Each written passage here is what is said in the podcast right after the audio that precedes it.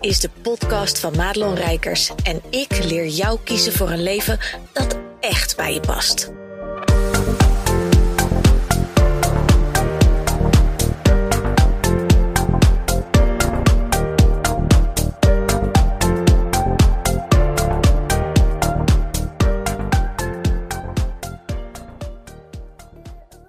Yo yo, goed dat je luistert naar deze podcast. En voordat we gaan beginnen, wil ik je vragen of jij je al hebt opgegeven om kans te maken om een van de twee gratis supersessies te winnen. En dat is een uh, online één op één coachcall van een uur, maar liefst de waarde van 350 euro met moi in person.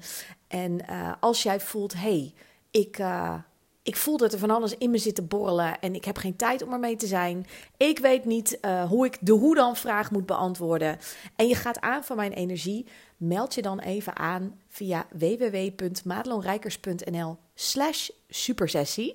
En wie weet ben jij deze maand één van de twee gelukkigen die zo'n sessie wint met mij. Nou, ratatata, we gaan beginnen. Um, want ik heb, uh, als je me wat langer volgt, dan weet je dat ik een ongelofelijke boekenworm ben. En ik verslind echt boeken. En misschien zit je nu hevig te knikken en denk je, ja, ja, dat ben ik ook. Um, en ik doe eigenlijk altijd lezen in mijn bed. Nou, er zijn allemaal mensen die zeggen, ja, je bed, dan moet je eigenlijk je meditatie en stil en geen prikkels. En boeken zijn ook prikkels, maar ik heb de rest van de dag ben ik gewoon bezig met dingen. En in het weekend wil ik dan ook wel eens een boek pakken en uh, gewoon lekker buiten zitten als het uh, mooi weer is. Maar um, mijn leesmomenten zijn altijd s'avonds. En dan uh, word ik op een gegeven moment moe. En misschien ken je dat wel, dat je dan een beetje zo half-half denkt, wat lees ik eigenlijk? En dan kan ik heerlijk slapen. Tenminste, ja, handje omhoog als je zegt, nou, ik kan me eigenlijk maar twee keer in mijn leven heugen dat ik en heerlijk geslapen heb en uitgerust wakker werd. Maar je snapt wat ik bedoel. Um, ik ben op dit moment, heb ik net het boek uitgelezen van Edith Eger. En Edith Eger die heeft wel meer boeken geschreven dan die ik heb gelezen. Het boek wat ik van haar gelezen heb heet De Keuze. En um, misschien ken je haar wel, misschien niet. Ik zal het voor de mensen die luisteren die zeggen: Edith, wie is Edith? Uh, Edith Eger, dat is, was, uh, het is me niet helemaal helder of, of die vrouw nu nog leeft. Ze is in ieder geval bokkeroud sowieso. Um, die is een van de overlevenden van de Holocaust. En die heeft in Auschwitz gezeten.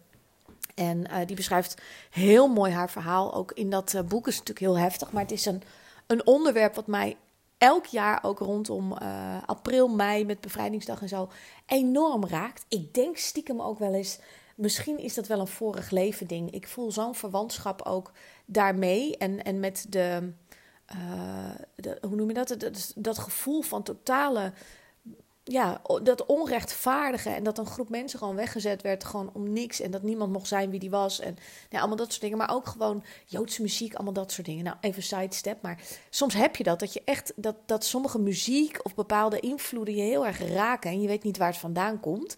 Uh, ik vermoed eigenlijk stiekem dat dat wel uh, een vorig leven ding kan zijn. Anywho. Edith Eger schreef dus een heel mooi boek over haar ervaring. En dat is uh, pittige kost ook wel, hè, want er staan natuurlijk wel, ja, we hebben het niet over een feestje. Um, het gaat over Auschwitz en, uh, en over haar leven, hoe zij uiteindelijk daar uitkomt, uh, wat ze gaat doen. Uiteindelijk is zij uh, psychologe geworden en um, heeft zij altijd patiënten gehad die ze heeft geholpen om door trauma heen te komen. Met name ook bijvoorbeeld veteranen uit oorlogen die met PTSS liepen, die heeft zij begeleid. En um, wat zij, wat zij doet, is heel erg leren om, om mensen te laten zien dat, er, dat je een keuze hebt. En um, dat je daarmee de vrijheid hebt om te leven. Ook al heb je vreselijke dingen meegemaakt, dat het een keuze is eh, in hoeverre dat de rest van je leven ook bepaalt. En, en dat is best wel pittig, hè? niet iedereen kan dat horen. En uh, misschien zit je nu wel te knikken dat je denkt, hè, als je net zo'n type bent als ik, die niet heel blij worden van mensen die ergens in blijven hangen. Um, en je mag bij mij altijd huilen, et cetera. Mijn klanten zijn van oudsher altijd mensen die uh, veel te hard doorgaan en, en zichzelf eigenlijk helemaal geen tijd of, of uh, emotie gunnen om, om te voelen dat ze ergens bijvoorbeeld slachtoffer echt van zijn. Die gaan altijd eerst kijken, hey, wat is mijn aandeel? Hè? Waar ligt mijn verantwoordelijkheid? Wat had ik anders kunnen doen? Uh, en, en beuken dan vervolgens door. Want die hebben ook niet zo heel veel tijd om te gaan zitten mouwen om wat was geweest. Nou, dat is natuurlijk weer helemaal de andere kant van het spectrum. Maar uh, Edith Eger zegt dus, uh, die vertelt dus ook naar aanleiding van haar verhaal in Auschwitz, dat zij zich vrij voelde, omdat zij een ander perspectief in haar hoofd ook koos. En Ehm, ik vind hem ook een beetje lastig, hè? want wat er dan gebeurt vervolgens na zo'n zo'n boek lezen, dat heel veel mensen dan denken: Oh, ik mag niet klagen, want Edith Eger zat in Auschwitz, weet je wel? En als die het kan, dan moet ik het ook kunnen. Dus daar zit ook wel een valkuil in. Ehm, maar ik vond de, de theorie en gewoon de gedachte erachter, vind ik heel erg kloppend. Want ehm, je mag pijn mag je echt doorvoelen, daar mag je echt doorheen. Ik denk dat het heel goed is om uh, stil te staan bij een bij een gevoel wat je, bij een verdriet wat je hebt, bij uh, boosheid die je hebt. Um, en niet om, om daarin door je hoeven te moeten zakken, want heel vaak hoeft dat helemaal niet. En je hoeft ook geen 15 jaar therapie te volgen uh, om door shizzle heen te werken. Maar er zit wel een, een logica in in um, welk perspectief je kiest. En dat geldt eigenlijk voor alles hoor. Als je kijkt naar hè, hoe, hoe kijk je naar een bepaalde situatie. Ik heb uh, gisteren toevallig de live dag weer gegeven, ondernemen vanuit je hart. Het was fantastisch, kan ik je vertellen. En ik kan je dus ook bij deze al vertellen dat we 16 september in Gouderak, dat is vlakbij Gouda, ga ik hem weer doen. Dus kijk even op uh, uh, madelonrijkers.nl slash live als je denkt, oh, daar wil ik wel bij zijn. Uh, want ik denk naarmate uh, ik dit vaker doe, dat de tickets wel sneller zullen gaan. Want uh, ja, het was gewoon een magische dag. Maar daar ging het dus ook heel erg over.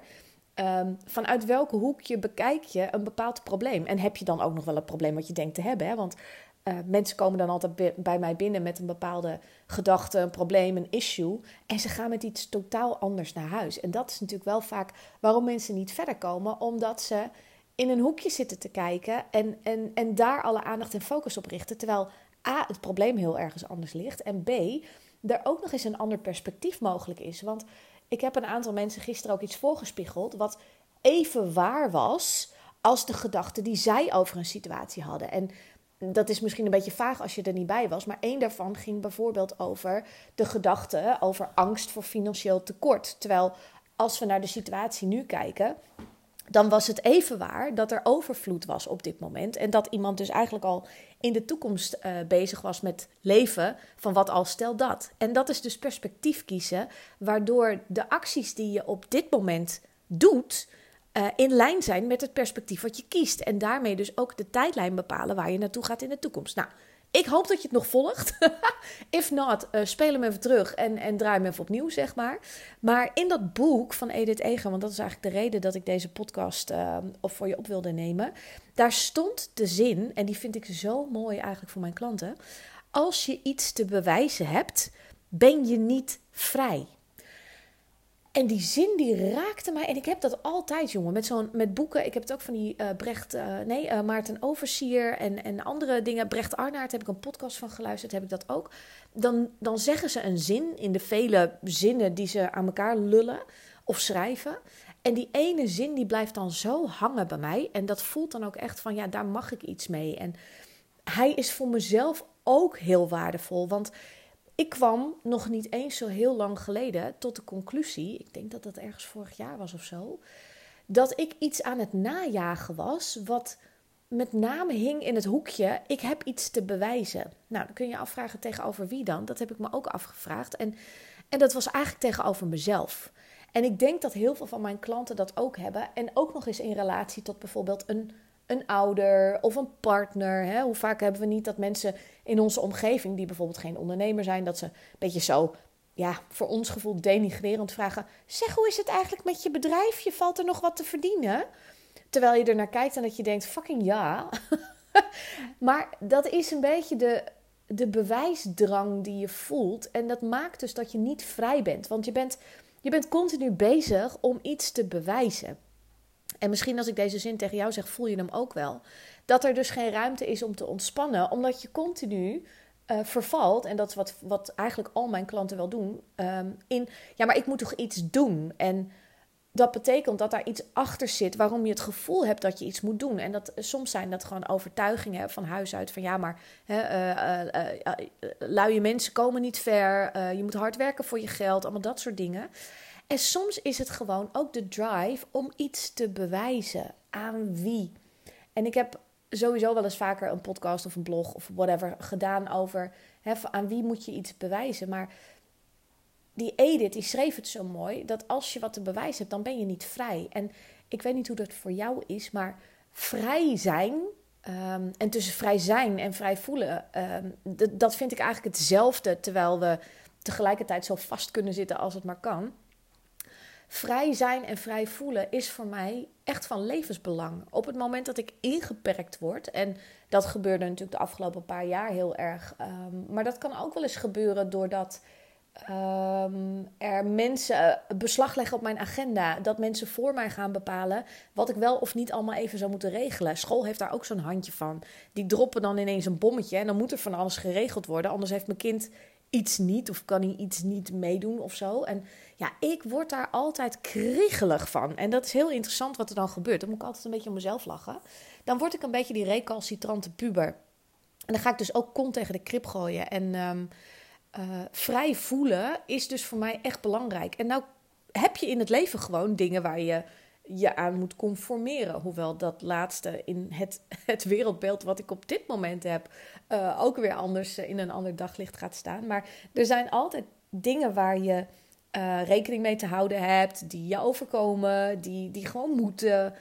Um, en daarnaast zit ik vaster dan, dan ooit. Weet je, ik heb een, een huwelijk, ik heb koophuis, ik heb, een, ik heb twee kinderen. Dus ik heb een bedrijf. Dus ik zit vaster dan ooit. Maar ik voel me vrijer dan ooit. En um, ik voel me dus nu nog vrijer dan een jaar geleden, omdat ik tot de conclusie ben gekomen dat ik bezig was om mezelf te bewijzen. En dat dat dus niet hoefde. En de grap was, ik kwam daarachter, en dat mag je best weten, doordat ik um, een, een, um, een moment had. Ik heb altijd geroepen toen ik begon met ondernemen tegen mijn man: ik word hoofdkostwinner.